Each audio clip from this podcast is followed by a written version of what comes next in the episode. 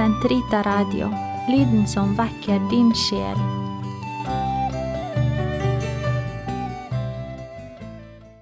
Kroppens teologi, en kommentar til pave Johannes Paul 2.s onsdagskatekeser av Eirik Ambrosius Stenhoff.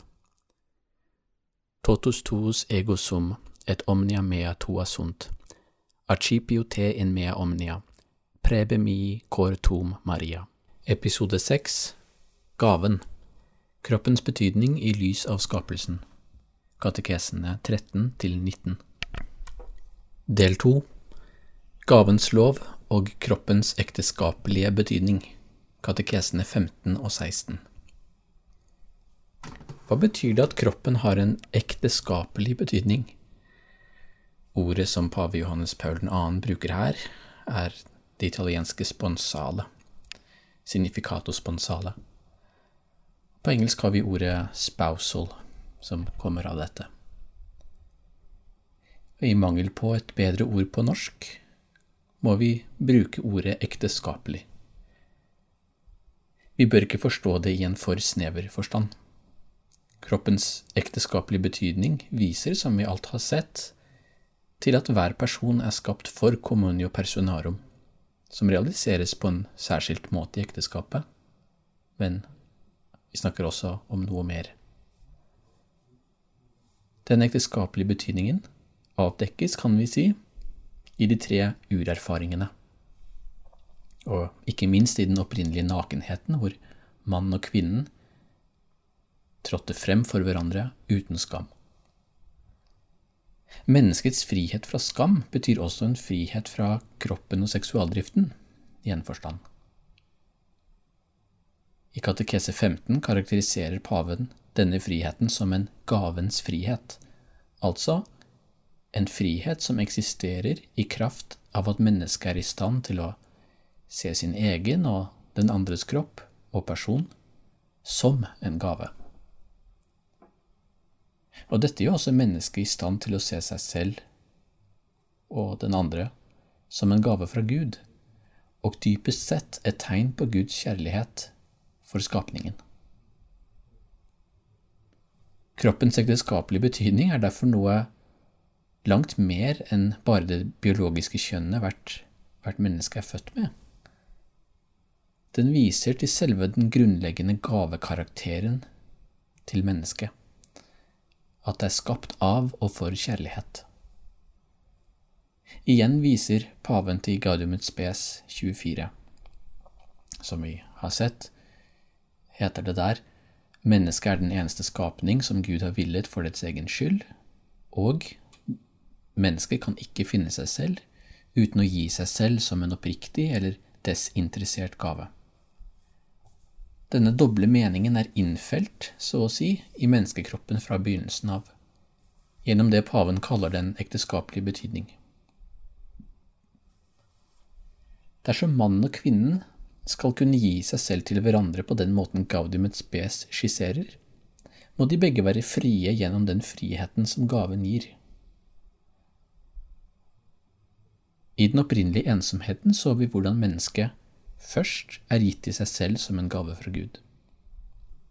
Det kommer til en erkjennelse av seg selv som en person. Det kan bestemme over seg selv.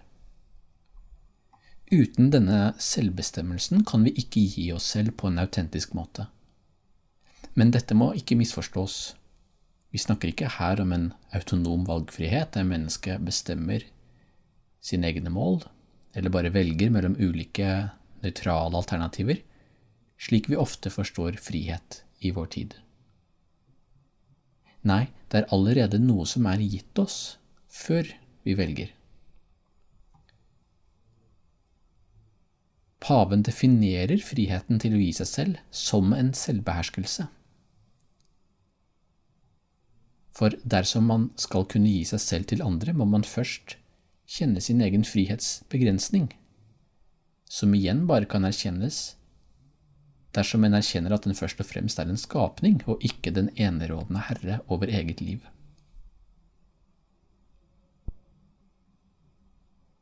Personen som behersker seg selv, har en indre frihet, sier paven, som minner om den frihet som Adam og Eva hadde i erfaringen av den opprinnelige nakenheten.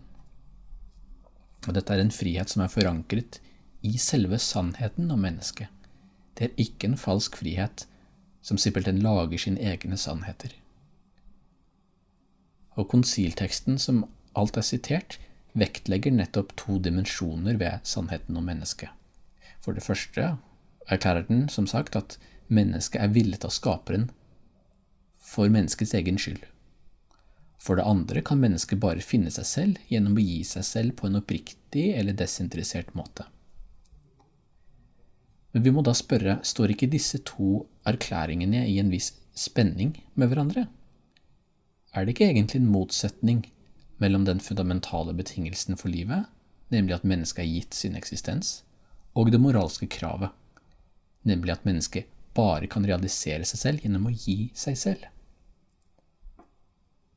For å belyse dette problemet litt mer, kan vi se på noe paven skrev i kjølvannet av utgivelsen av boken Kjærlighet og ansvar, Love and Responsibility på engelsk. Og denne refleksjonen tar utgangspunkt nettopp i spørsmålet hva er forholdet mellom mennesket slik det er skapt, og slik det er kalt til å handle? Med andre ord, mellom menneskets ontologiske eller ontiske status, dets væren, og etikken. Paven stiller spørsmålet i forbindelse med ekteskapsetikken, som han hadde analysert så grundig i Kjærlighet og ansvar, og den hadde møtt på kritikk fra noen moralteologer fordi de mente at han oppvurderte den ekteskapelige kjærlighet. Og hva, hva betyr det egentlig at mannen og kvinnen gir seg selv til hverandre i ekteskapet? Og hva vil det si, som Wojtyła hevdet i boken sin, hva vil det si at de på denne måten kan oppfylle sitt kall som personer? Innvendingene kom ikke ut av det blå, både med hensyn til den tradisjonelle ekteskapsetikken og vektleggingen relativt sett på det monastiske liv og det jomfruelige eller kyske sølibatære liv, men også ut fra hvordan man forsto personen. En tradisjonell definisjon av den menneskelige person er at den er sui juris et alteri incommunicabilis. Det vil si noe slikt som at mennesket er en selvstendig eksisterende eller sin egen sui juris, og at personen ikke deler sitt vesen med en annen. Incommunicabilis. Alteri incommunicabilis. Så en person er ifølge denne definisjonen altså en som tilsynelatende ikke kan gi seg selv til en annen, uten at det går på bekostning av hva personen er. Personen er jo nettopp inkommunikabel. Paven besvarer denne innvendingen med en vesentlig distinksjon, og den ligger under ikke bare hans ekteskapsteologi og katekesene, men også hans bidrag under Det annet Vatikankonsil og senere om religionsfrihet, om forholdet mellom kirken og staten, og forholdet mellom naturvitenskapene og teologien, for å nevne bare noen eksempler. Og det er nettopp en distinksjon mellom det ontologiske eller ontiske nivået og det moralske. Mennesket er sui juris et alteri incommunicabilis, og det har selvbestemmelse osv. i en ontologisk forstand. Ingen kan derfor tvinge mennesket til å gjøre noe det ikke selv har valgt å gjøre, selv ikke skaperen. Men mennesket kan gi seg selv i en moralsk forstand, i handling. Og i den moralske orden, altså gjennom våre handlinger, er det vi kan realisere det vi dypest sett er skapt til å være. Og det at ingen kan krenke vår frihet eller vårt menneskeverd, f.eks., betyr jo ikke at vår frihet eller vår egen person er helt autonom, men gjenspeiler nettopp at vi er skapt av Gud for å gi oss selv på en fullkommen måte. Det er altså ingen motsetning mellom at vi er skapt av Gud og for Gud, men bevarer vår fulle frihet. Tvert imot forutsetter disse tingene hverandre. Og vi kan bare finne oss selv som de Guds barn vi er, ved å gi oss selv. Og det forutsetter at vi har frihet i en slags ukrenkelig og ontologisk forstand, men selvsagt også at vi faktisk realiserer denne friheten gjennom våre handlinger. Wojtyła skriver noe slående i Kjærlighet og ansvar som uh, understreker og utbroderer dette poenget. Det er nettopp fordi mennesket hører til Gud skaperen at det behersker seg selv og kan bestemme over seg selv, skriver han. Guds eget herredømme over mennesket inneholder, fortsetter han, menneskets herredømme over seg selv. Altså, vår egen frihet er innbefattet i Guds egen frihet. Mennesket ikke bare kan, men må gi seg selv for å oppfylle sin egen natur. Og Dette kaller paven, i tråd med Gaudium et Spes 24, for gavens lov.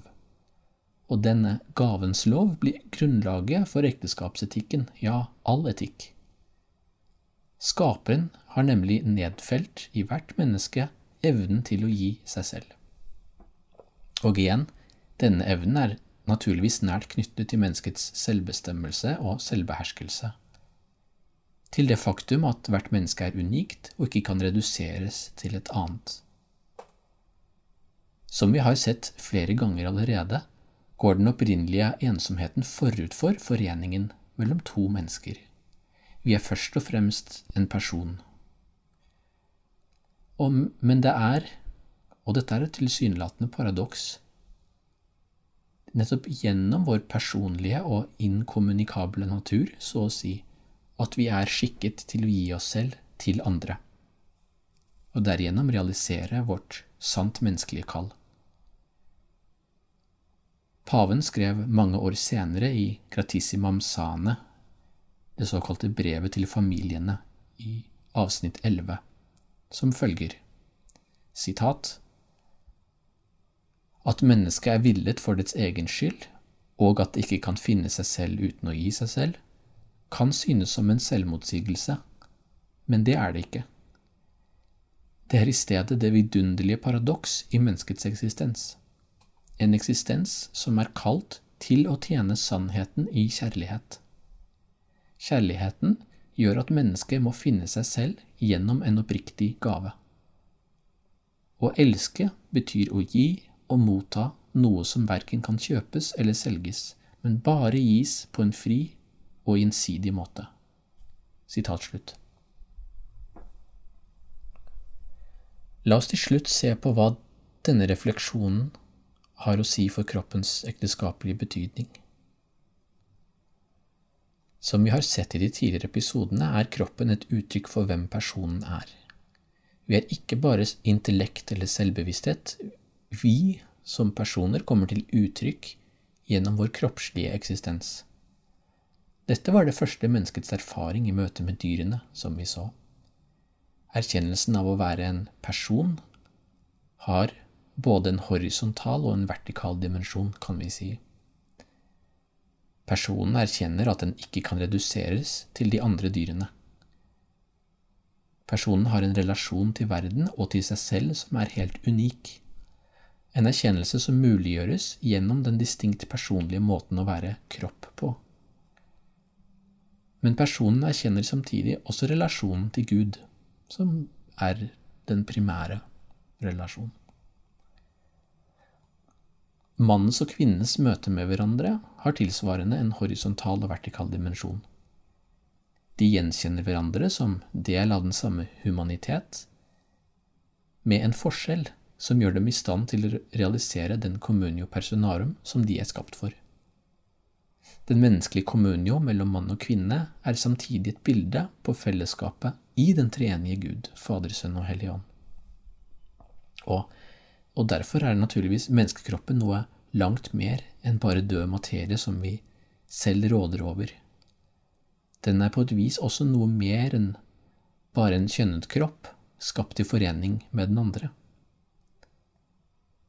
Paven går utover dette, og han kaller det for kroppens ekteskapelige betydning.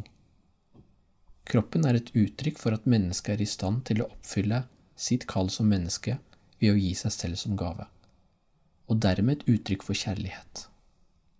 og den opprinnelige nakenheten uttrykker dette på en, på en slående måte. Dette peker tilbake på selve skapelsens motivasjon og frem mot Guds endelige plan for mennesket, som er kjærlighet. Erfaringen av kroppen, sier paven, er et vitnesbyrd om dens rotfestethet i kjærlighet. I neste del av denne episoden skal vi se på hvordan den ekteskapelige betydningen til kroppen må forstås i lys av den opprinnelige uskyld som rådet i begynnelsen. Gloria patri et filio et spirito i sancto, sicut erat in principio et nunc et semper, et in saecula saeculorum. Amen.